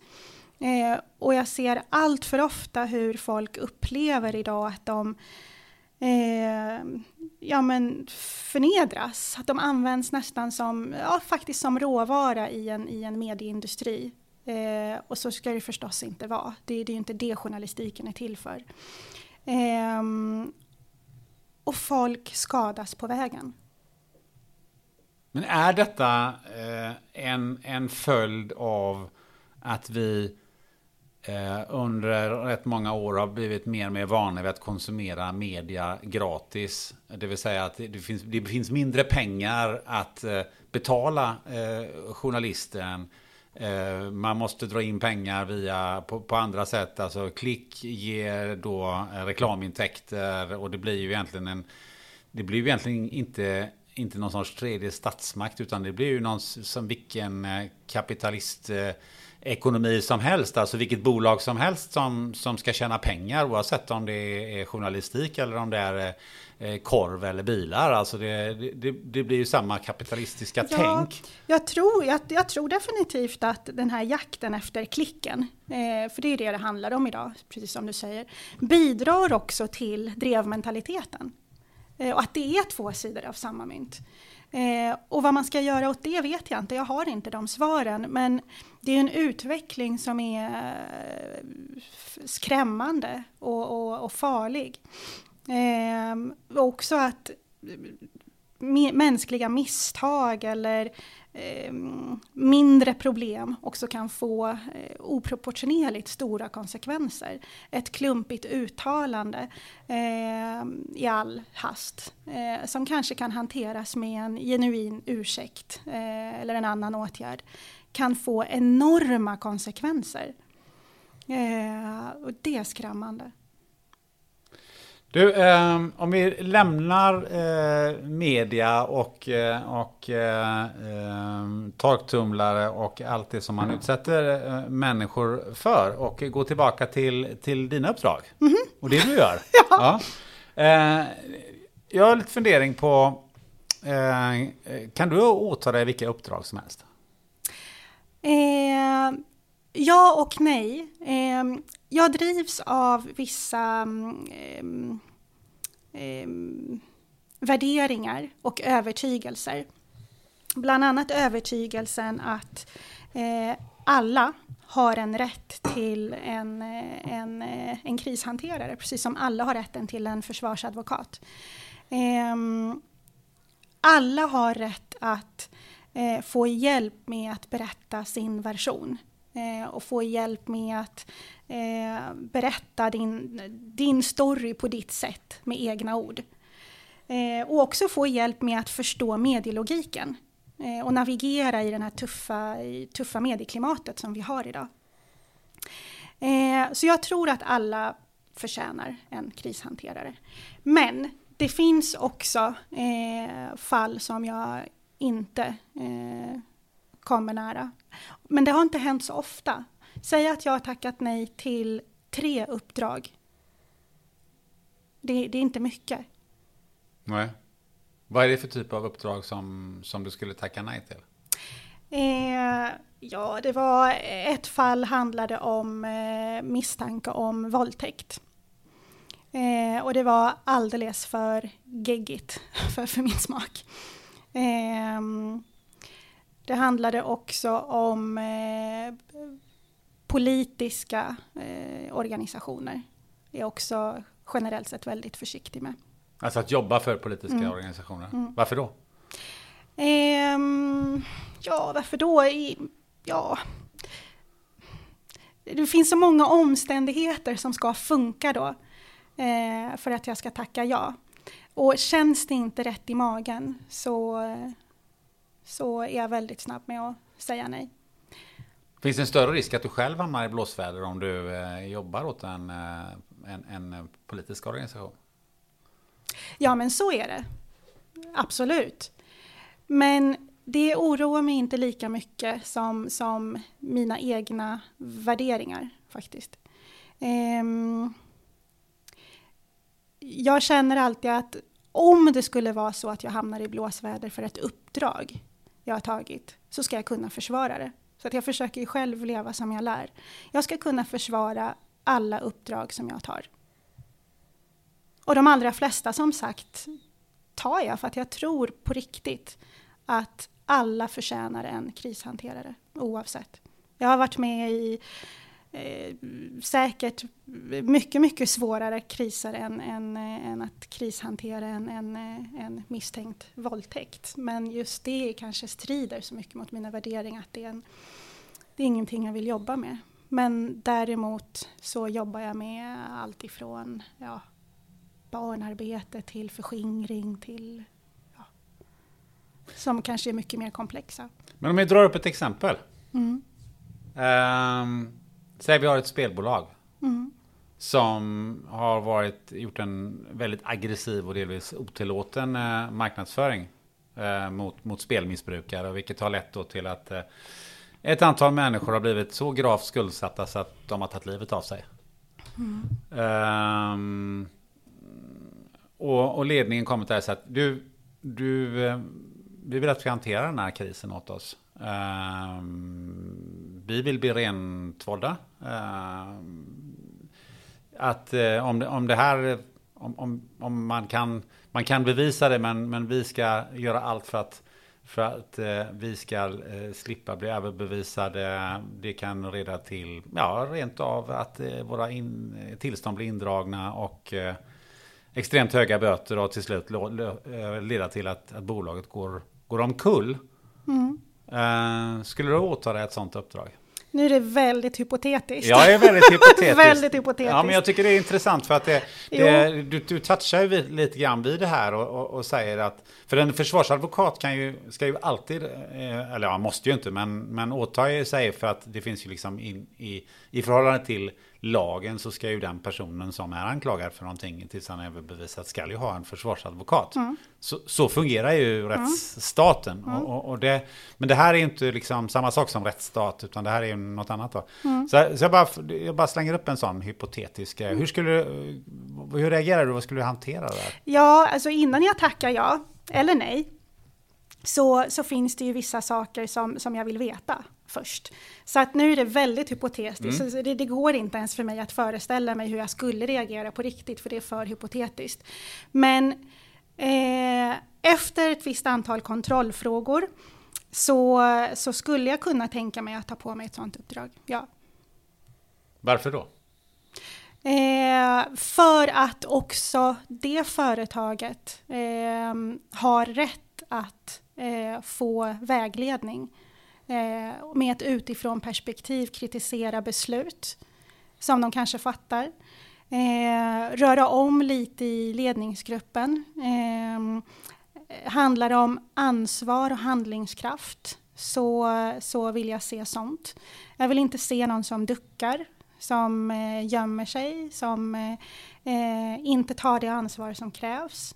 Eh, så att, ja, men kan man säga så här att eh, de uppdragen du åtar dig så är det också ett sätt att, att hjälpa dem att utkräva ansvar hos sig själva? Och inte, alltså om, om de har gjort Ja. De har gjort det här. Alltså mm. oavsett om det nu är ett spelbolag eller det, det här exemplet mm. som jag drog upp. Eller det finns ju otaliga exempel alltså, där man har gjort någonting. Man har faktiskt mm. gjort, man har, man har faktiskt riktigt saggat till det. Mm. Och man har gjort jäkligt fel. Mm. Och man har, man har begått saker och ting som man inte får lov att göra. Ja.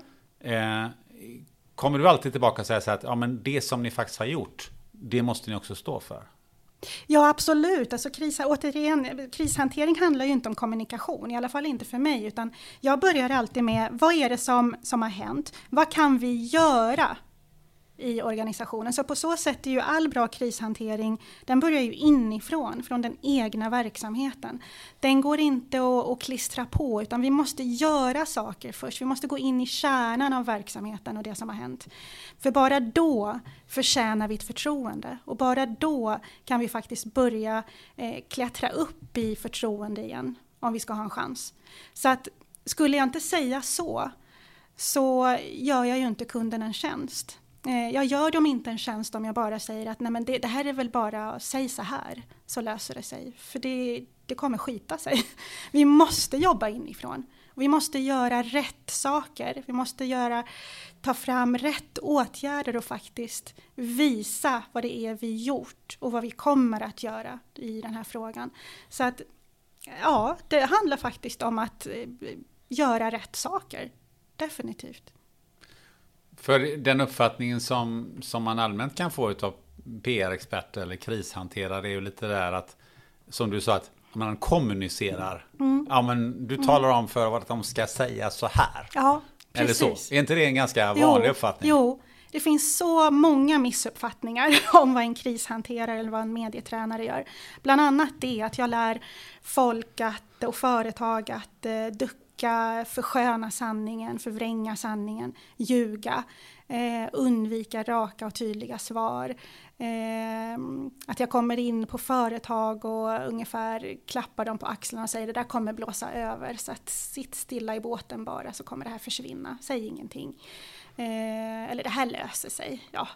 Och så är det verkligen inte. Verkligen inte. Eh, en annan sak som jag har funderat på det är ju det här med sociala medier. Ja. Eh, du har själv varit inne på det vid några tillfällen här, eh, sociala medier och vanliga eh, medier. Om, om det nu är så att vi faktiskt inte har gjort något dumt. Mm. Alltså att, att det är bara ett antal människor som är sura på ledningen i bolaget. Mm. De kanske är rätt otrevliga och de kanske har en taskig eh, företagskultur. Men egentligen så har de inte, de har inte gjort någonting som man kan liksom anklaga dem för. Men, men det bildas plötsligt ett drev på sociala medier istället. Mm. Mm. Um, och, och, skapar en massa medlemmar och det kanske utgår från, från ett antal personer som har jobbat på företaget ofta, som kanske inte jobbar där nu. Um, men hur ska man hantera det? För det är ju inte samma sak som medier kan man ju prata med mm. ändå. Mm. Man blir intervjuad, men där blir man inte intervjuad. Mm.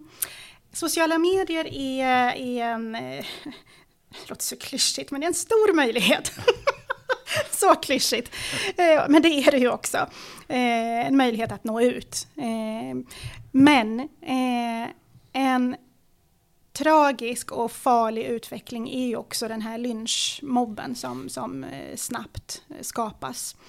Och där många också snabbt hakar på. Ehm, och den är farlig. Ehm, och där krävs det egentligen idag ett, det, det, skapar ängsliga organisationer, så ängsliga organisationer som nästan äts upp av sådana lynchmobbar och den typen av kritik som snabbt skapas mot, mot ett företag eller mot en viss person, en talesperson. Ungefär som med, nu är det ju en exceptionell kris, men eh, kritiken mot eh, Anders Tegnell till exempel under det här eh, coronahalvåret. Eh, idag krävs det, jag brukar säga att det krävs ett mod idag från företag och organisationer att stå emot eh, drev eller kritik i sociala medier. Att inte ätas upp av ängsligheten. Att inte följa, att inte lägga sig platt för kritiken i sociala medier och nästan låta det diktera hur man agerar många har ju så lätt för det idag att man sparkar, ja men säg sparkar, under metoo till exempel så var det ju förstås vanligt att viljan att bara sparka sina chefer hej vilt av ren rädsla för drev i sociala medier istället för att ha modet att säga att vi dömer ingen eh, ohörd. Vi, vi sparkar inte vår personal utan att eh, verifiera eller falsifiera de här generella berättelserna. Eh, vi gör vår egen analys ha det modet att liksom stå stadigt även när det blåser i sociala medier. Um, men säg att det är ja, men, kritik från 10-12 personer i sociala medier, på Twitter eller Facebook. Då brukar jag säga, men sätt det där i en kontext. Är det 10 eller 12 personer, hur stora är de i sina kanaler? Jag menar, handlar det om 12 personer på Twitter som var och en har ett konto liksom på, på 80 följare. Eh, är det kritik som egentligen inte, att det inte är sant, det är en sak. Men är det också någonting som inte heller, att det inte skadar förtroendet för dig, att det bara får ligga? Låt det bara ligga där, gör ingenting. För det som händer annars, det är att du själv helt omedvetet, när du går in i de här trådarna, faktiskt spär på drevet. Du ger en synlighet som den inte förtjänar. Eh, och det är också då som medierna, traditionella medier, snappar upp det och gör det till en, till en rubrik. Och det är inte förrän saker hamnar i de traditionella medierna än idag som det får en större verkan på företagets förtroende. Jag menar, det är inte förrän Expressen eller Aftonbladet eller DN plockar upp någonting från sociala medier som det får en riktig effekt på eh, ett varumärke till exempel. För det får en kraft och en spridning som än idag inte finns i sociala medier. Och då har jag stor respekt för de som sitter och känner ängslighet och känner att åh, det här handlar om mig, jag måste försvara mig. Det är hemskt att vara utsatt för ett drev i sociala medier, absolut. Men återigen, sett i ett perspektiv, handlar det om ett eh, Twitterkonto som har tusen följare så är det faktiskt bara tusen följare. Det är faktiskt en liten bubbla. Och då, där, där är det bättre att och, håll tyst och besvara ja, inte. Och... Om det inte skadar förtroendet för dig, om det inte finns någonting att korrigera i sak, eh, alltså att det, det, det, du, du, känner att du, det här skadar dig så mycket att du måste berätta din story. Men om det är lösa, jag brukar säga om det, det är struntprat, om det är struntprat och det är en liten bubbla, eh, låt det ligga.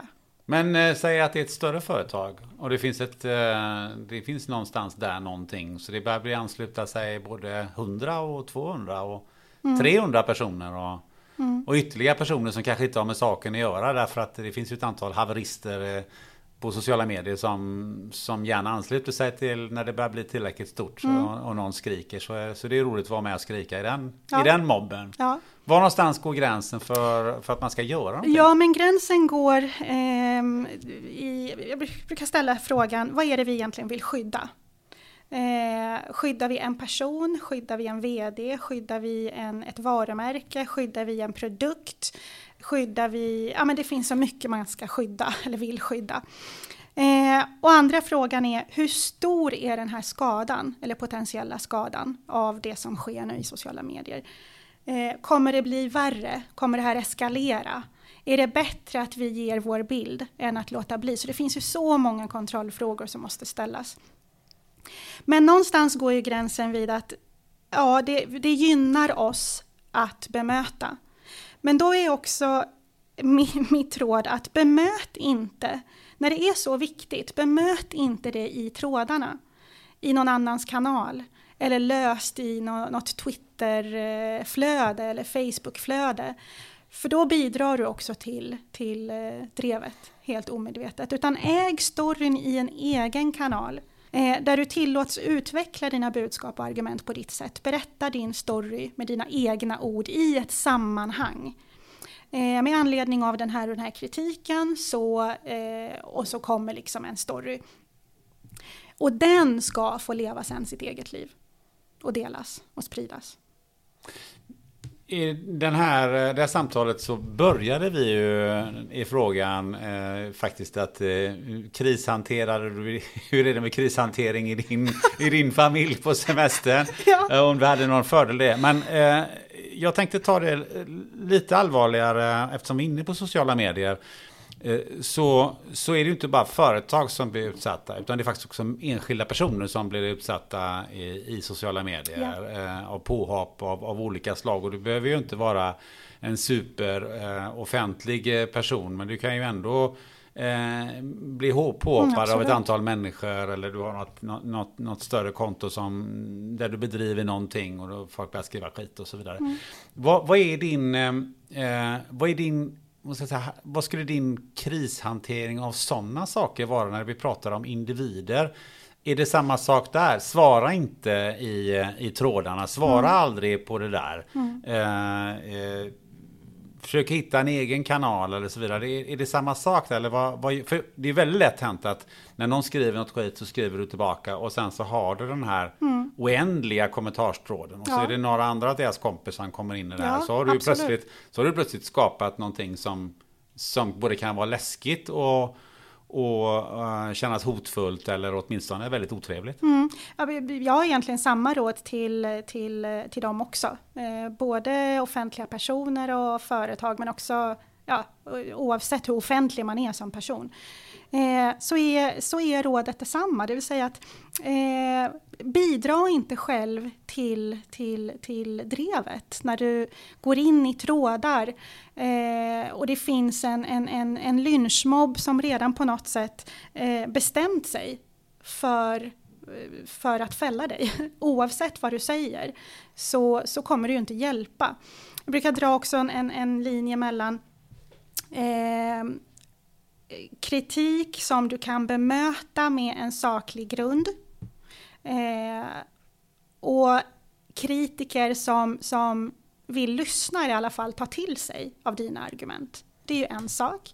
Och det andra då, som är något helt annat, det är ju de här som, som bestämt sig för att du gjort fel oavsett vad du säger, som egentligen inte är intresserade av dina argument eller så kallade bevis. Utan de har bestämt sig för att du, du, du är vidrig och en, en, ja, du ska liksom inte ens få uttala dig. Och de ska man inte bemöta, i alla fall inte i trådarna. Utan ska du bemöta det för att det på något sätt skadar dig om du inte gör det, så ska du göra din egen kanal som du äger och kan berätta eh, din story på, på, på ditt sätt med egna ord i ett sammanhang. Det här eh, kan man ju också, resonemanget kan man ju också avrunda med att säga att, att eh, det finns rätt många trådar på eh, sociala medier som företräder alla möjliga typer av, eh, av åsikter eller, eller eh, säga, tankar kring, kring frågor av, av alla möjliga slag. Och det kan ju också lätt bli ett drev. Och det är lätt själv att man dras med det har jag sett på människor som jag känner som normalt sett inte är personer som är otrevliga mm. eller på något annat sätt. Men man dras med och, och, och, och skriver i de här trådarna. Mm. Uh, och det finns ju också en fara att man, att man bidrar till någonting som eh, ligger mera dolt än vad man kanske ja. själv eh, ser. Vad, vad har du för syn på det? Ja, eh, två saker egentligen som, som tumregel. Det, det ena är att skriv aldrig någonting i affekt. Eh, och det är ju så grundläggande oavsett om det är sociala medier eller eh, mail. mail eller exakt i ett möte eller Eh, på sittande möte bara helt irriterat och frustrerat bara uttrycka saker som man sen ångrar så djupt. Det är samma sak i sociala medier om inte ännu viktigare. Eh, så skriv aldrig någonting i affekt och det betyder också att man på något sätt bromsar den här risken att dras med. Det är ju det som händer. Att det bara får ligga en stund, en halvtimme. Eh, så är det faktiskt många som kommer dra tillbaka den tanken på att jag måste svara här och nu för det här är för jävligt. Så det är ju det ena.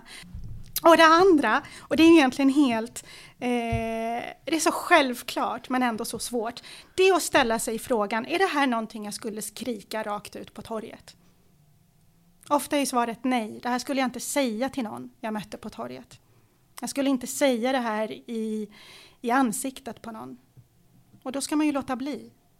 Jag tror att många blir helt andra människor framför skärmen när det finns en, en eh, ja, en, ett, ett liksom filter mellan oss. Eller en skärm mellan oss. Då är vi inne på avdelning tips och råd. Mm. Som jag tänkte vi skulle avrunda med. Mm. Ehm, och jag tänkte att, att du skulle kunna komma med lite allmänna tips och råd. För jag tror att eh, du jobbar ju med, med många större företag, organisationer och så vidare. Men det finns nog rätt många som, som kan behöva eh, ett, ett tips på hur man hanterar eh, medier och frågor när de, när de uppstår. Och det kan ju vara allt från idrottsorganisationer till, till you. Det, det, det händer ju trots allt. Så att, eh, kan du ge oss fem allmänna tips om, alltså journalisten ringer mitt i natten eller vid ett annat väldigt olämpligt tillfälle och berättar någonting och du inser att nu har skiten träffat fläkten. Mm. Mm. Eh, då ska vi se här. Det första är ju det här med att ta ett samlat grepp. Och det betyder många olika saker. Det betyder till exempel att eh, börja från början. Så att du inte helt i förhastat, i panik, av ren rädsla eh, ger dig in i en situation som du faktiskt vet väldigt, väldigt lite om här och nu. Eh, som det här låter som. Mm. att man blir tagen på sängen med någonting som har hänt eller en anklagelse som du egentligen inte vet någonting om här och nu. Eh, och det betyder egentligen att du då kan säga att, vet du vad, det här, eh, det här har inte jag hört förut, eller det här har inte jag någon kännedom om, det här är första gången jag hör om, om det du säger, eller eh, det här måste jag ta in i organisationen och, och, kolla upp. Jag måste ta reda på fakta, det här är ingenting jag känner till, eller ja men du, oavsett vad det är, det finns säkert många scenarios. Eh, och sen återkommer jag till dig. Och det betyder också att du, du, du möjliggör för dig själv att ta ett samlat grepp, att börja från början. Och det som händer då med att börja från början, det är ju analysen. Vad har hänt? Hur kunde det hända? Vad gör vi i så fall åt det? Har man konstaterat att någonting har hänt, ja men då måste man göra någonting. Och där kommer ju nästa steg, det är ju handlingskraften. Att faktiskt åtgärda de mest akuta problemen. Prioritera rätt saker. Spring inte på bollar som försvårar, förhalar, eh, som också ja, men gör krishanteringen ännu värre. Så gör saker, handlingskraften. Eh, och ett nästa steg så, så är det att berätta om den handlingskraften. Ja men så fort det här och det här hände så gjorde vi 1, 2, 3, 4. Vi har också en plan på att göra 5, 6, 7, 8. Eh, och det betyder då också att du eh, återigen fokuserar på rätt saker, på att faktiskt göra saker och sen kommunicera det du har gjort och ska göra. Och många gånger behöver det då inte bli en förtroendekris. Det kan, det kan vara en händelse som du faktiskt åtgärdar på ett riktigt bra sätt. Hur länge kan jag vänta till att ringa upp den här journalisten som har ringt mig? Ja, alltså brinner det så har, är det inte alls mycket tid. Eh, det kan handla om en timme. Men ofta så har man mer tid än så. Eh, ofta så stressar vi upp oss själva eh, kring det här med tidsperspektivet.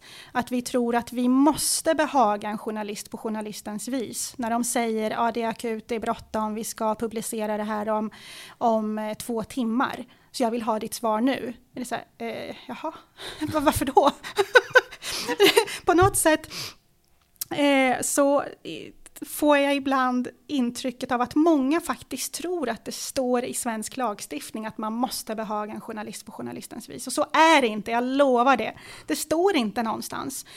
Däremot är det ju så här att journalisten äger formuleringsprivilegiet av frågeställningarna som ställs. Det gör de. De äger det och de äger storyn eh, och vinkeln. Eh, och de till och med har eh, ett gäng förväntningar på hur du ska svara och vad som är ett godkänt svar överhuvudtaget. Men du är ju inte till för att tillfredsställa en journalist. Du har en annan roll, journalisten har en roll. Eh, det du däremot ska göra för att det här ska funka och ditt förtroende ska liksom vara intakt, det är att du ska svara på frågan. Eh, men hur du svarar, det bestämmer du själv. Så ett svar kan definitivt vara att, men vet du vad, det, det, det här har inte jag hört förut. Så att jag måste få ta in det här i organisationen och förbereda ett svar. Och det är helt okej? Okay. Det, det, är helt okej. Okay. Allt annat är ju orimligt. Det är också okej okay att säga att ja, men, jag förstår att du vill ha ett ja eller nej-svar, men jag kan inte ge dig det. För den här frågan är så mycket mer komplex än så, så jag måste få sätta det i ett sammanhang. Eller, jag förstår att du uppfattar det så, men det var inte det som hände. Det som hände var att... Så att på något sätt så handlar det om att faktiskt se sig själv också som intervjuperson och inte intervjuoffer. Då händer det fantastiska saker. Då inser man också att jag kan ju faktiskt med den här förståelsen för mediedramaturgin också använda mina kunskaper för att också ja men, till och med påverka intervjuns utfall. Vilket man kan. Att gå från intervjuoffer till, till intervjuperson. intervjuperson det, Men det är en inställningsfråga, det är ett mindset. Man måste ju fatta det själv, för annars kommer du också att, att behandlas som offer. Tycker jag var bra eh, slutord i det här. Ja men vad bra. Ja. Hur har du känt det här? Har du känt det som en intervjuoffer? Nej, det här har varit ett skönt samtal och bra start på hösten. Ja. Mm. Har du några reflektioner kring det vi har pratat om? Ja, men det är just, man vill prata så mycket mer. Jag vill prata mycket, mycket mer om de här frågorna. De är så viktiga. Har du någonting som du tycker känner att ja, men det, det där, jag vill, jag, vill, jag vill gärna ta den här grejen också. Så har du chansen nu. Ja, du. Är det någonting som du känner att vi inte har äh, grävt i tillräckligt mycket? Eller äh, någonting som du... Jag tror inte det. Jag tror att vi har pratat om väldigt eh, bra saker här. Har vi gjort det? Va? Mm. Ja, vad härligt. Du, um, apropå det här med att intervjua. Om du, har du något tips på eh, någon som du tycker att jag borde intervjua eller samtala med som jag brukar säga Mm. i den här podden? Ja, jag började ju någonstans i början där med att säga att det har varit ett fantastiskt ledarskap under coronakrisen från Folkhälsomyndigheten. Apropå det här med att inte, eller att ha modet att, eh, att stå kvar när det blåser och inte sparka sin personal när, när det kommer avgångskrav och lynchmobb i sociala medier. Ehm, och det har ju eh, Johan Karlsson hanterat alldeles fantastiskt, GD på Folkhälsomyndigheten. Så honom skulle jag faktiskt själv vilja lyssna på om du hade ett samtal med honom. Mm, det låter ju väldigt intressant. Vi kanske får vänta lite för det är har fortfarande lite- saker att göra. Lite svettigt fortfarande kanske, men vi får hoppas att det lugnar ner sig så småningom. Ja. Så att då, lovar jag att då ska jag återkomma eh, angående det. Du, om man vill, eh, slutligen om man vill ha tag på dig eller följa dig någonstans, Mm. hur gör man då? Man kan gå in på jeanettefors.se eller så hittar man eh, Jeanette Fors André på LinkedIn. Två bra sätt att eh, hålla koll på dig. Mm, Ja, bra. precis. Jeanette Fors André, ett stort tack för att du tog dig så här mycket tid att prata med mig. Ja men tack själv, kul! Ja.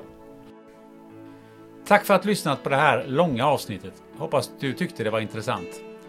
Om du tycker det var riktigt bra, ja, då får du gärna gå in på iTunes, Spotify eller Acast och betygsätta podden. Nästa gång, vad blir det för spännande då? Jo, ett samtal med den sociala entreprenören Johan Wendt som är besjälad av att lära alla barn matte genom gratis läxhjälp.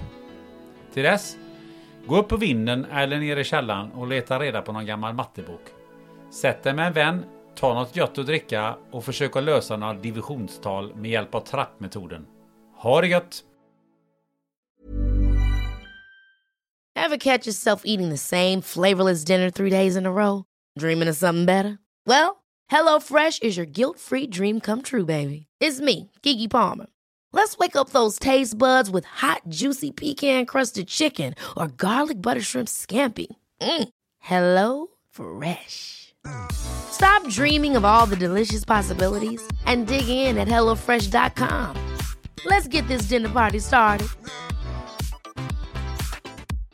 Imagine the softest sheets you've ever felt. Now imagine them getting even softer over time. That's what you'll feel with Bowl and Branch's organic cotton sheets. In a recent customer survey, 96% replied that Bowl and Branch sheets get softer with every wash. Start getting your best night's sleep in these sheets that get softer and softer for years to come. Try their sheets with a 30-night guarantee. Plus, get 15% off your first order at bowlandbranch.com. Code BUTTERY. Exclusions apply. See site for details.